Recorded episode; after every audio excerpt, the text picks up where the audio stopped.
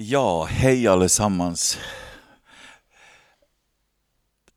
Tack pastor Stefan och ni alla för privilegiet, privilegiet att få vara med här.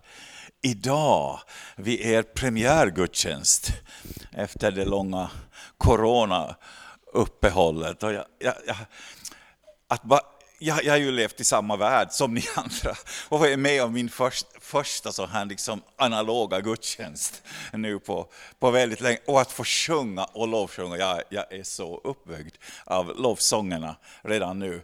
Och att bara få sjunga in det här underbart och få göra det tillsammans, fysiskt, med andra människor. Alltså kyrkan, församlingen, är ju inte liksom digital, på riktigt den, den är gemenskap, den är kött och blod. Kristen tro är ju väldigt mycket kött och blod, eller hur? Det är inte idéer, tankar, någonting högt, långt upp någonstans. Kyrkan är du och jag. Vi tillsammans med både våra glädjeämnen och våra misslyckanden och allt som gör ont i våra liv, eller hur? Är det inte fint?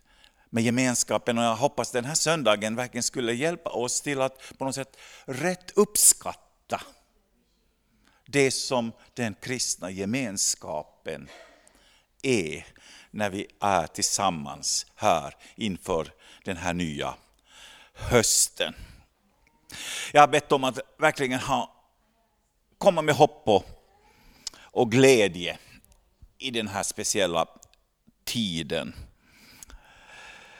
Och att vi som eh, kallar oss Guds folk skulle inse och på något sätt på djupet på något sätt förstå att det vi har är så betydande. Att det riktigt får väcka både beundran och förundran och fascination hos oss alla. Det vi har är stort det vi har är betydande. Och det vi har, det har vi fått för att ge vidare till andra. Kyrkan är inte en utställningshall för färdiga produkter. Det är hungriga människor som har funnit mat och berättar för andra. Här finns liv och hopp. Utrusta för att leva och leda med mål och passion. Det är eh, temat och det är en del av den här församlingens vision. Och Stefan gav mig den här för att eh, det är just den här, de här orden som, vi, som speciellt ska fokuseras i höst. Utrustas för att leda, leva och leda med mål och passion. Det mest betydande för oss alla, det är ju att förstå syftet, målet. Det finns ingenting som ger så mycket passion till våra liv som det att vi har ett syfte, någonting vi sträcker oss mot. Det gäller ju vårt personliga liv, men det gäller i minst lika hög grad vårt gemensamma liv i kyrkan. Vi har ju ett gemensamt liv i församlingen, i kyrkan. När jag talar om kyrkan så talar jag inte om byggnader eller institutioner. Jag talar om kyriake, de som tillhör Herren. Det är vi som tillhör Herren. Vi är kyrkan, vi är församlingen, eller om vi tar det på med Paulus ord, som gärna använder ordet eklesia. De utplockade, de som har blivit valda, de som liksom valdes till en folkförsamling som utövar den typens demokrati. De tillsammans ledde, influerade sina städer. Och det var ju liksom den tidens stadsfullmäktige. Eh, man kallade det eklesia. Och tänk att Paulus plockar upp det ordet och säger att kyrkan är till för att ha influens. Man talar om influenser nu för tiden. Individ, individer som är duktiga på att ha influens. Kyrkan är kallad att vara en eklesia som har en input i andra människors liv. Inte kanske via makt, pengar, struktur, utan genom mötet med människor. Låt mig läsa min text. När ni kommer till honom, den levande stenen, det är ju Jesus det handlar om. Ratad av människor, men utvald av Gud och ärad av honom. Då blir också ni levande stenar i ett andligt husbygge. Ni blir ett heligt prästerskap och kan frambära andliga offer som Gud vill ta emot tack vare Jesus Kristus. Jag tror att det här ordet fångar, hoppas jag, det jag vill säga idag. När vi kom till Jesus och när vi fick liv, när vi förankrade oss i honom och fick en grund och en trygghet och vad ska jag säga, en, ett slags eh, fundament i våra liv, då händer någonting stort för oss. Men vi är kallade inte bara som individer, vi kallas in i ett kollektiv, in i ett sammanhang som har ett syfte och ett mål och en passion. Och det är att bygga upp tillsammans ett hus, ett slags container, ett slags eh, kärl. Någonting som kan inrymma och ge fysiskt gestalta Kristus i en stad eller by eller där vi finns. Jag tycker det är fascinerande. Individualismen i vår kultur, vi lever i en sån kultur. Problemet med den är att den ringaktar och förringar kraften och glädjen i gemenskap. Vi ser oss mera som omgivna av idioter, liksom jobbiga saker. Det är bäst att jag gör min egen profil. Jag arbetar på min egen approach, min egen liksom image. Och det gör att vi ibland i vår kultur förringar och kanske ser ner på kraften i gemenskapen. Bibeln är visar på en församlingsbild som understryker kraften, glädjen,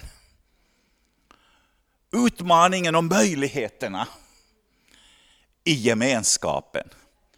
Koinonian, centralt ord i Nya Testamentet. Delaktighet. Vi är del i varandra på samma sätt som vi är del i Kristus tillsammans kan vi gestalta Kristus, göra honom attraktiv och inbjuda andra in i den gemenskapen. Ett andligt husbygge.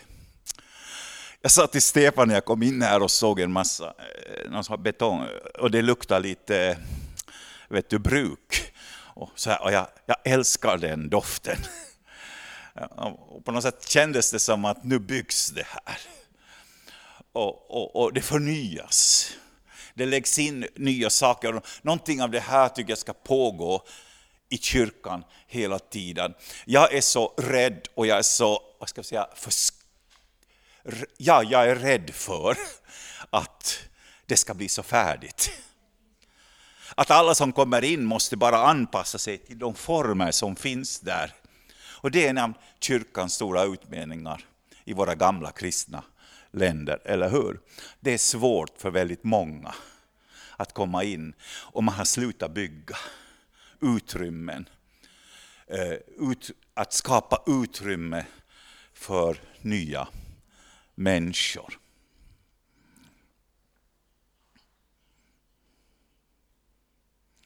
Vi är ett heligt prästerskap och kan frambära andliga offer som Gud vill ta emot tack vare Jesus Kristus. Församlingen är nära Guds hjärta. Och då blir följande fråga, har vi hjärta för församlingen? Jag måste få säga att efter alla, alla år, jag har varit länge med som, som Stefan antydde, i församlingsbyggande. Och jag har sett mer än många andra, både av det som är bedrövligt,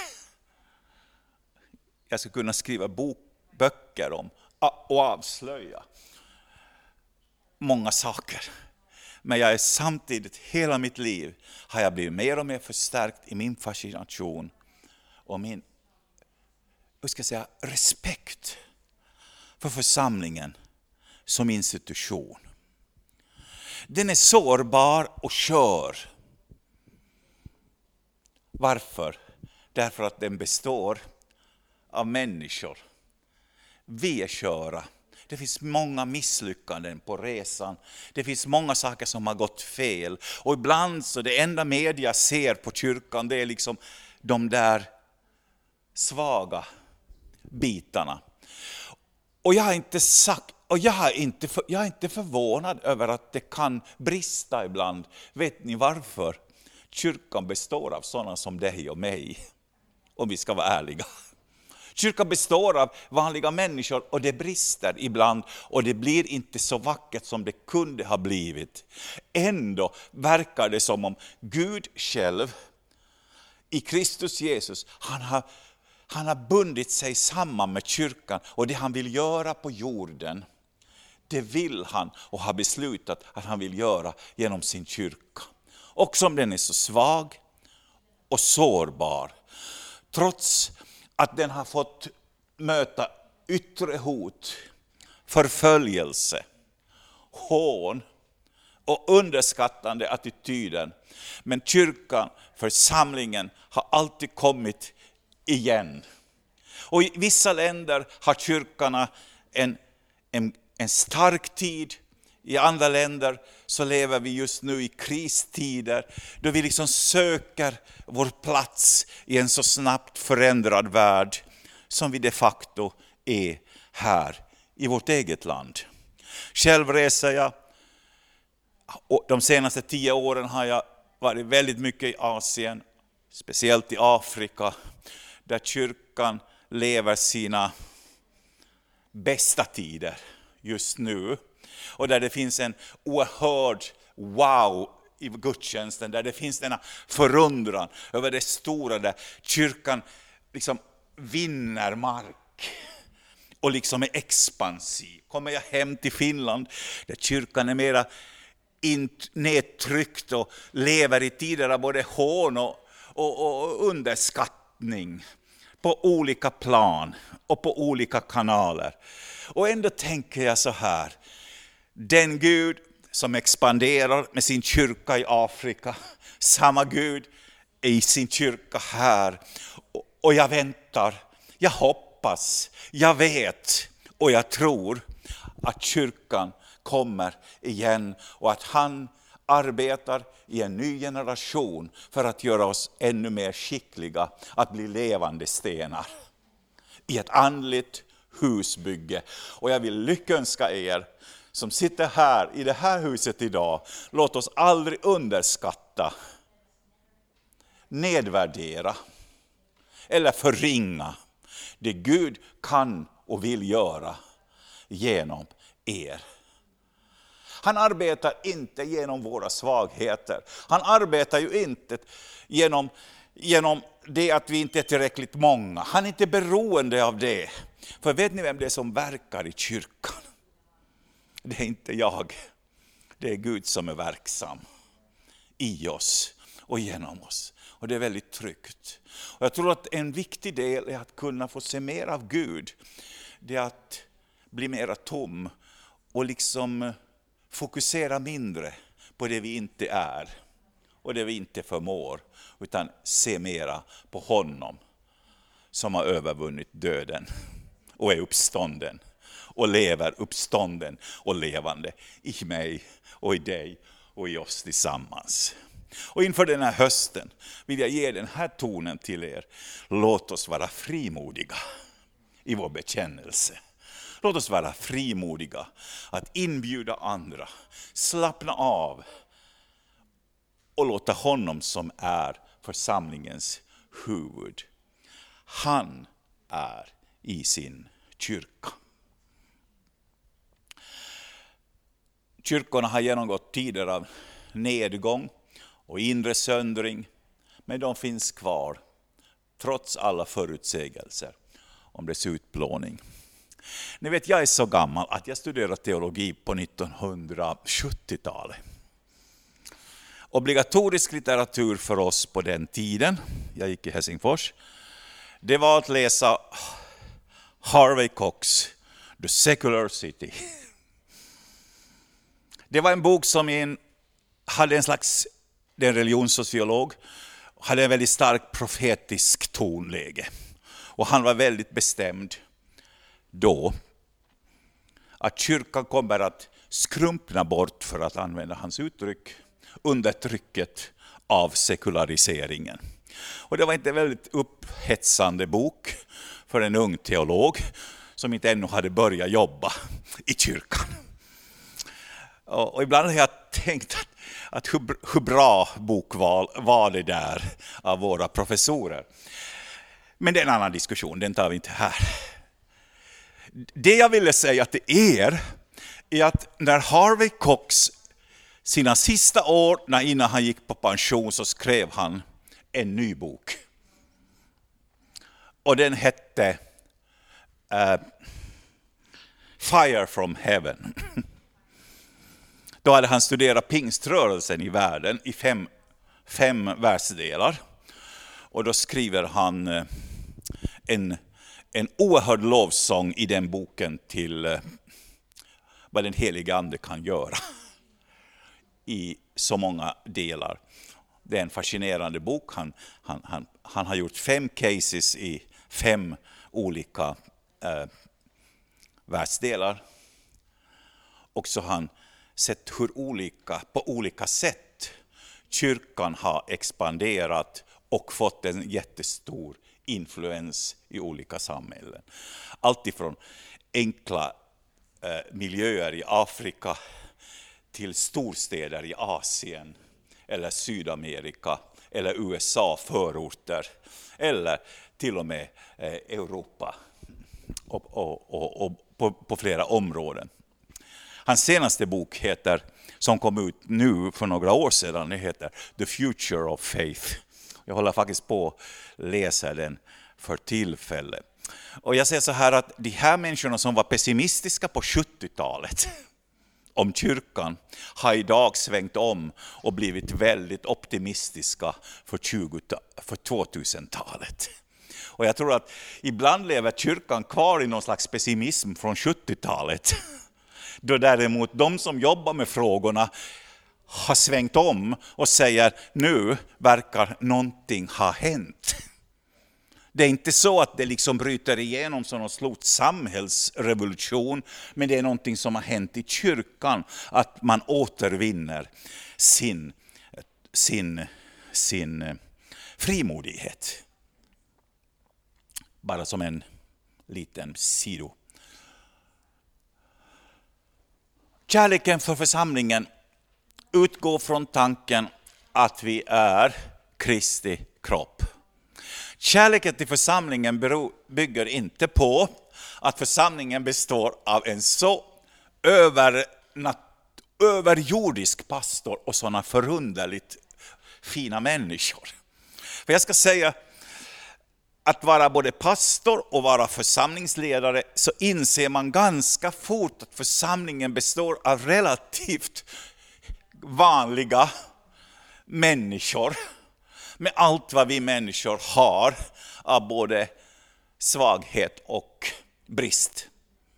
Så vår kärlek kan inte bygga på det vad andra människor presterar runt omkring oss. Vår kärlek till kyrkan måste bygga på, den, på en teologisk bas, på den förståelsen av att församlingen är Kristi kropp. Därför att jag älskar Kristus, älskar jag hans församling. Kristus har aldrig liksom övergått till den individualistiska synen. Han har förenat sig själv med kyrkan, församlingen. Kristus kan inte skiljas från församlingen. Vi är levande stenar i ett bygge. Vi är tempel åt den helige Ande. Men utanför kyrkan och församlingsgemenskapen kan gå våra gåvor och vår tjänst svårligen genomföras. Vi kan inte ta en irti Otto bara från kyrkan och göra vår egen individualistiska tjänst. För mig är det en grundläggande idé, tanke, princip i Bibeln att den är kopplad till församlingen. Också när den är bristfällig och inte lever upp till våra ideal. Eller hur? Kan vi vara överens om det? Du har säkert många saker du kunde säga om någon kyrka, församling, någonting som har varit negativt för dig. Det är okej. Okay. Jag kan säga, jag har ännu fler exempel än du. Ändå är jag djupt förankrad, fascinerad över styrkan i den gemenskap av vanliga människor som du och jag, vi tillsammans i den här församlingen är. För mig utesluter församlingstanken extrem individualism. Församlingen är alltid ett kollektiv, alla de utmaningar det ger oss, det har jag redan sagt. Kyrkan, församlingen, gestaltar Kristus i din stad. Jesus säger, jag ska bygga min församling. Jag älskar det ordet. Det har varit ett, ett tema i mitt liv. Jag vill vara med där Kristus bygger sin församling. Jag är en byggnadsarbetare som Paulus. Jag är med och bygger. Och jag får ta i, och vi får alla ta i. Men det är han som är arkitekten. Det är han som bygger. Efesierbrevet 1.22, allt lades under hans fötter, åt honom som är huvudet för kyrkan, församlingen, som är hans kropp. Fullheten av honom som helt fyller allt. Ingen av kan göra anspråk på att vara kyrkan, ensam med stort K. Vi är det tillsammans. Och det är någonting som sker när vi kommer tillsammans. Vi blir så mycket mera när vi är här tillsammans. Kom ihåg det. Och det tror jag att vi känner nu efter coronatiden med alla distanseringar. Eller hur? När vi är tillsammans så blir vi så mycket mer. Därför säger Bibeln, överge därför inte din församlingsgemenskap. Var mån om den, den betyder någonting för dig, men den betyder också för någonting för din stad. Och det betyder någonting för vår förmåga att kunna gestalta, ge kropp åt Kristus i vår generation. För vad Åbo betyder, behöver, vad Finland behöver, det är församlingar som frimodigt, passionerat och med en målsättning gestaltar Kristus.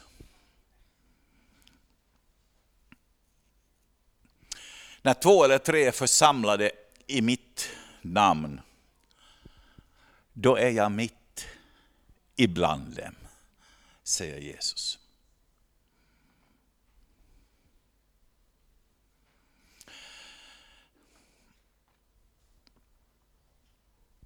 Jag hoppar över lite för att tiden går också.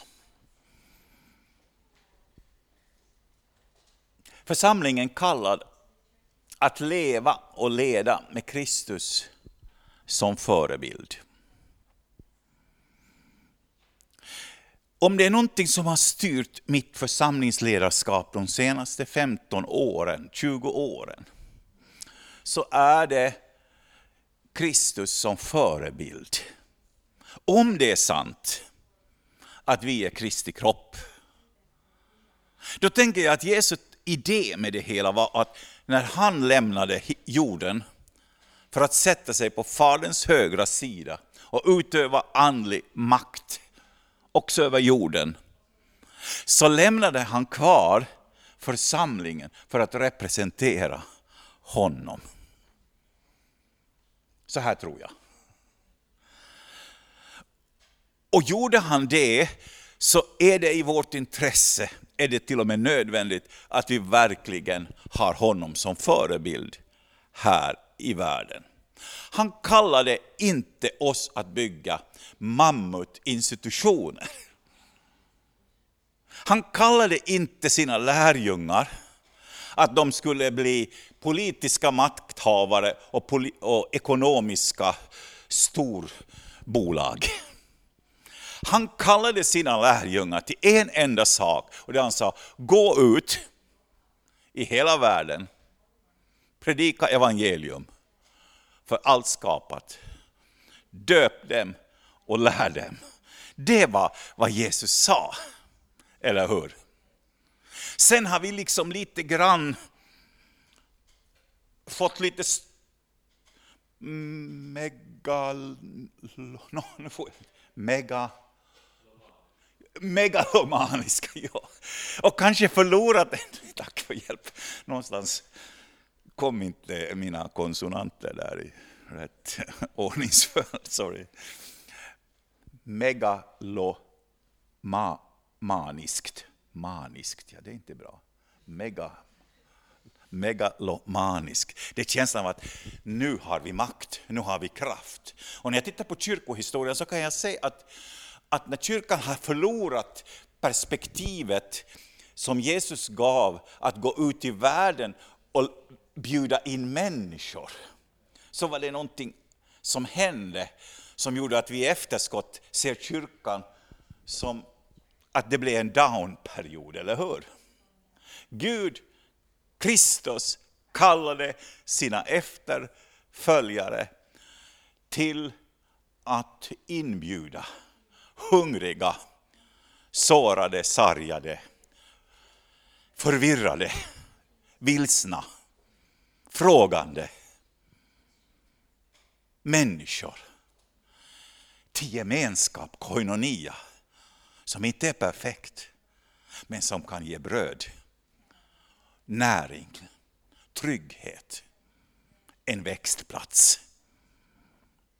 Låt oss bevara den här enkla visionen av kyrkan. Sen behöver vi strukturer och grejer och allt det där andra, det vet jag. Men låt oss förstå first things first. Jesus skapade alltid dialog med sökare och brustna människor, inte konfrontation. Jag tror att vår, kyrk, vår tids kyrka behöver inse att vårt uppdrag är inte konfrontation. När jag följer Jesus jag använde en sommar att läsa bara evangelier. Och jag, och jag läste bara en enda sak och det var hur mötte Jesus människor? Och då upptäckte jag att han var väldigt, vad ska jag säga, harsh på engelska, lite tuff emot den religiösa eliten. Men han var ju enormt barmhärtig och öppen mot de söndriga människorna. Det fanns liksom han, han väckte en sån uppståndelse och sån, han upprörde så många människor genom sin godhet mot sargade människor. Och jag tror att när de stora diskussionerna böljar fram just nu inom kyrkan om hur vi ska förhålla oss till både det ena och det andra inom olika områden, så tror jag att det är viktigt, och för min egen del så vill jag gärna glida lite grann förbi den diskussionen och titta lite mer noggrant på Jesus och se vad skulle Jesus ha gjort.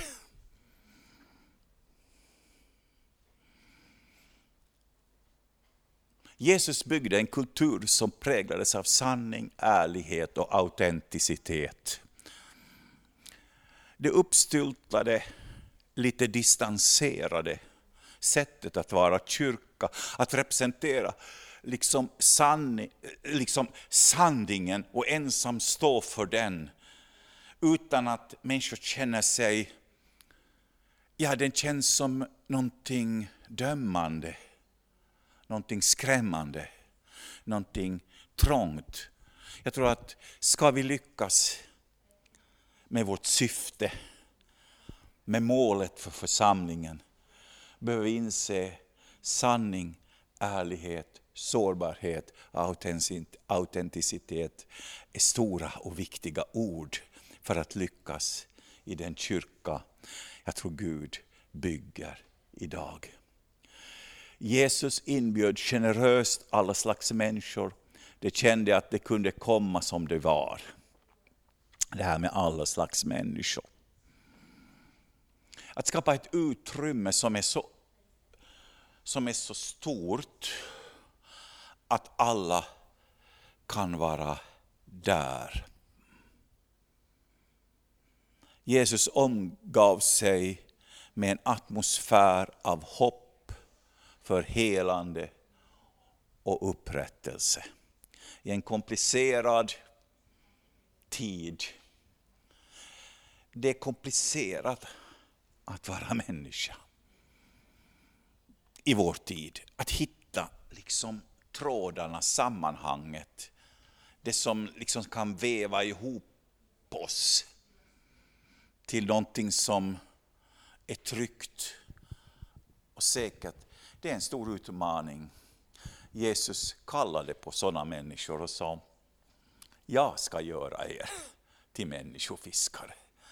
Bit för bit, dag för dag, ett litet bit i taget kan Gud hjälpa oss att växa upp till det han har ämnat oss till.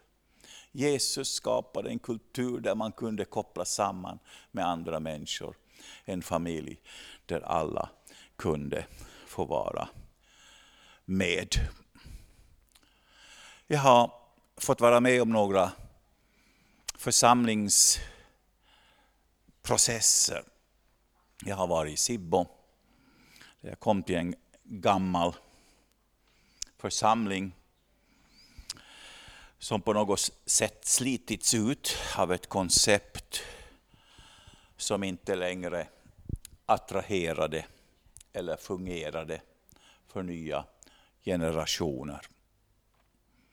Nycklarna i den processen hette bön, andlig förnyelse och fokus framåt. Jag kommer ihåg att de första månaderna, jag visste faktiskt inte vad jag skulle göra när jag kom dit. Jag hade varit i Helsingfors då i många år. Jag kommer ut till Sibbo.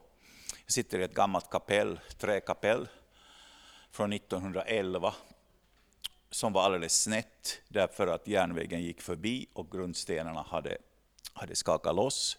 Kapellet var snett och i mitt lilla kontor så fick jag ha två tjockare psalmböcker under under benen på min soffa, ursäkta eh, att jag gjorde så, men jag behövde det för att komma i, i vattenpass.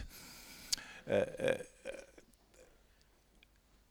och jag kommer ihåg att då samlade jag några av församlingens de här trognaste vänner. De kom ibland på förmiddagen, vi satt i församlingens tambur och så bad vi och så sa vi Gud kom. Nu vet inte vi riktigt vad vi ska göra. Vet ni? Och det är ibland så skönt att bara få bekänna sin maktlöshet. Vet ni? För att det är när vi är så fulla av idéer och koncept och så här, så det, Gud nästan säger att hoppa, stopp, stopp, stopp. Gud vill ibland bara säga att tomhet är ett bra sätt att bli uppfylld. Eller hur? Så är du tom, så bli inte panikslagen. Prata inte onödigt. Var tom i lugn och ro. Och är du tom kommer Gud att fylla dig när du söker honom. Och det kom någonting där i det där skeendet, en andlig förnyelse, som förvandlade väldigt mycket. Vi fick bygga en ny kyrka som var i vattenpass. och eh, vi fick liksom mycket konkret bygga fram någonting nytt. Och den här trötta församlingen Eh, kunde på något sätt lämna det som var bakom, för det fanns också en del traumatik där i bakgrunden. Och vi kunde på något sätt fokusera framåt. Och i det här fokuset framåt så helades också en del av såren från, från tidigare. Så det, är helt, det var en fantastisk resa då vi fick se väldigt många människor bli, komma till tro. Men där var det bön och, eh, och eh, andlig förnyelse och fokus framåt. Nu har tiden gått, kan jag ta Philadelphia kort här? Innan jag avslutar, är ni med?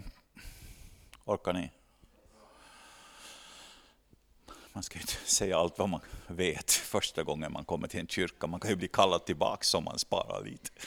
Men jag lovar att jag har. Sen kom jag till Fila Helsingfors som har varit mitt andliga hem sedan jag var ung. Jag har sammanlagt varit 30 år i den kyrkan, centrum av Helsingfors, på Albertsgatan. Det var en institutionsförsamling med betydande uppdrag i pingströrelsen.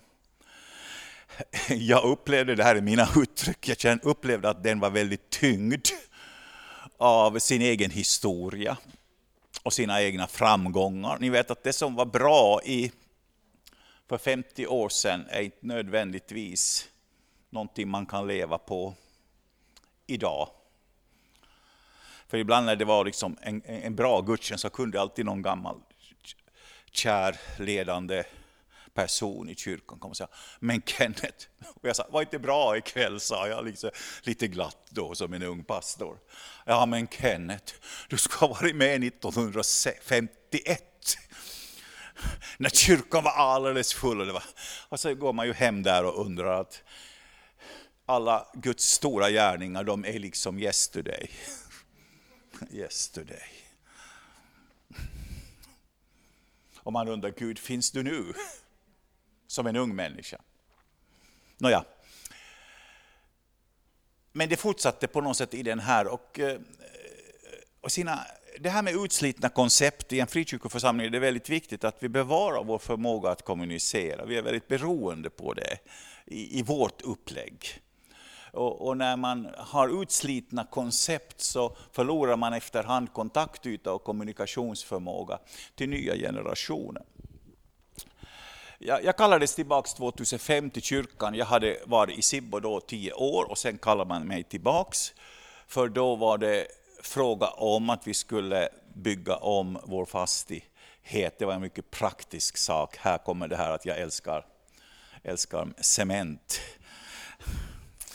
mitt enda civila jobb jag hade det var att eh, när, när vi byggde i Sibbo så sa jag till styrelsen att om vi ska bygga nu också med del, ganska mycket frivilliga människor så tar jag ledigt från mitt pastorskap på halvtid och så jobbar jag som byggnadsarbetare på halvtid. Och jag köpte en ny blå halare och så steg jag upp, klock, var jag på jobbet klockan sju på morgonen och började bära grejer. Och eh, jag ska säga, det var ganska tufft för en pastor som är van att ta en rejäl stund på morgonen med kaffe och, och andakter. Att få skynda iväg i dimman och fukten i mars eh, och, och, och kliva omkring i stövlarna där i, i, i, i snögloppet.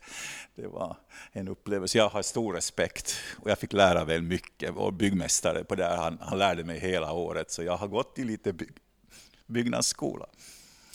Nå, Kyrkbygget kom in i bilden i Helsingfors så det var det första jag hade. Jag hade fått tre saker som jag, så jag måste satsa på i Philadelphia Helsingfors. Det var ju först den här fastigheten, i vårt fall. Vi måste få i stånd det. Hade, det hade planerats i 20 år, men alla de här beslutande organen orkar inte igenom till de här besluten. Och i något skede så kom jag då 2005 och bara pushar igenom det och säger att nu bygger vi och vi kör. Och nu tar vi inga flera utredningar. Och vi hade några besvärliga styrelsemöten kan jag säga. Men, men det behövs sådana ibland också. Och sen när allt är färdigt så är alla glada. Eh, sen, eh, det andra var ledarträning. En ny generation behöver bejakas och vi lyssnade på deras visioner. Och det här var också en väldigt stor kulturförändring hos oss, att på något sätt hantera det, att också nya människor kommer in. För nu är det ju så i en social miljö som en kyrka, det är mycket psykologi och mycket sociologi i en kyrka. Och det är alltid, när det ska röra på sig inom systemet, så blir det en hel del stress. Eller hur? Och jag hade en hel del stress kring de frågorna och jag både lyckades och misslyckades i de där frågorna i Philadelphia, det kan jag väl säga. Men eh, resultatet blev ändå så att jag själv blev utan jobb 2012 eh, och steg av och överlät ledarskapet till, till Johan och Lotta Forsbäck som nu är ledare i kyrkan. Och det har varit en, en både smärtsam sak för mig personligen, men det har varit samtidigt en sån ofattbar glädje att få se en gammal institutionsförsamling genomgå en metamorfos till att på något sätt kunna möta nya människor i en ny tid och i ett nytt koncept, koncept, eh, koncept eller ny kontext. Det tredje var församlingens approach, det är att få en tilltal, Alltså hur tilltalar vi? Vårt sätt att tala, vårt sätt att vara. Hela liksom känslan måste skapa någon form av identifikation. Alltså kan man inte överhuvudtaget identifiera sig med ett slags miljö, så är det väldigt svårt att slå rot där, eller hur? Det här är egentligen igen mera psykologi än det är teologi. Men det är också väldigt avgörande om vi vill och lyckas i vårt uppdrag att följa Kristus i hans sökande efter människor, nya människor i vår tid. Det Gud gjorde, det Gud gjorde och som bara han kunde göra, det var att han hjälpte oss under den här processens gång som inte gick på ett år, två år, utan som pågick i fem, tio år. Väldigt intensivt. Det är långa, långsamma processer. Det var att vi kunde börja lyfta blicken från oss själva till att kunna se de andra. Jag kommer ihåg 2011 när vi uttalade det här viktiga statement som blev någonting av vår egen självbild i vår kyrka. Det är att vi inte är en församling för församlingen. Vi är en församling för vår stad. Och jag kunde berätta hur mycket som helst kring allt det där, men jag ska avsluta här idag eh, med den här portionen. Att leva och leda med Kristus som förebild och att leva och leda med mål och passion. Det handlar att inse vem vi är och vad vi är tillsammans. Och att följa Kristus i passion och vilja att nå nya människor. Här har jag själv som en gammal pastor fått uppleva mina största, mest glädjefulla stunder. Att nu få se och uppleva det vad jag ser. Jag ska avsluta med en liten rolig historia. För några år, par tre år sedan kom Barbro och jag, min fru, till kyrkan efter sommaruppehåll. Vi hade varit på semester och varit ute på stugan och gjort annat.